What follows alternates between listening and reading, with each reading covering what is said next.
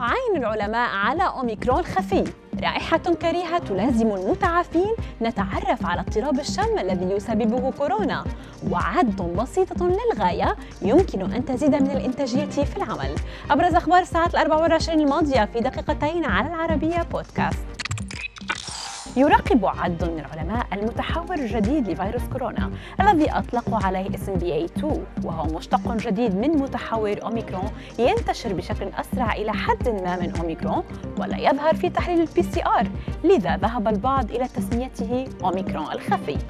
ووفقا لمراكز السيطرة على الأمراض والوقاية فإنه ينتشر بسرعة في بعض الدول الأوروبية مثل الدنمارك كما رصد في كل من كاليفورنيا وتكساس في الولايات المتحدة. واستطاع علماء الهند توثيق بعض الاختلافات بينه وبين متحور أوميكرون في شكل البروتين دون أن يعلموا بعد كيف يمكن أن تؤثر الاختلافات في سلوكه. يعاني بعض الأشخاص من فقدان حاسة الشم والتذوق أو ما يعرف بالباراسوميا بعد الإصابة بفيروس كورونا. ووفقا لتقرير نشره موقع Healthline فإن الباراسوميا تسبب تشوه الرائحة. فالشيء الذي كانت رائحته لطيفة قد تكون رائحته كريهة للمصاب.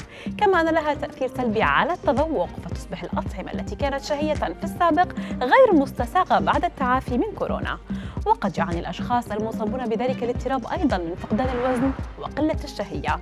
والأشخاص المعرضين لخطر الإصابة به بعد التعافي من كورونا هم الذين فقدوا حاسة الشم والتذوق أثناء الإصابة. يمكن من خلال اتباع بعض أو كل خطوات بسيطة تالية من استعادة زيادة الإنتاجية في العمل بعدة طرق غير متوقعة منها المشي لمدة خمس دقائق.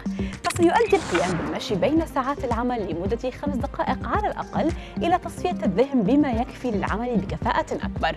ويسهم المشي في تحسين الحالة العامة من خلال تنشيط الدورة الدموية واسترخاء العضلات وزيادة التركيز. لذا ينبغي تحديد عدد مرات للقيام بنشاط المشي لمدة قصيرة كلما كان ذلك متاحا بين ساعات العمل ما سيؤدي إلى إنجاز الكثير من العمل بشكل أسرع وأفضل.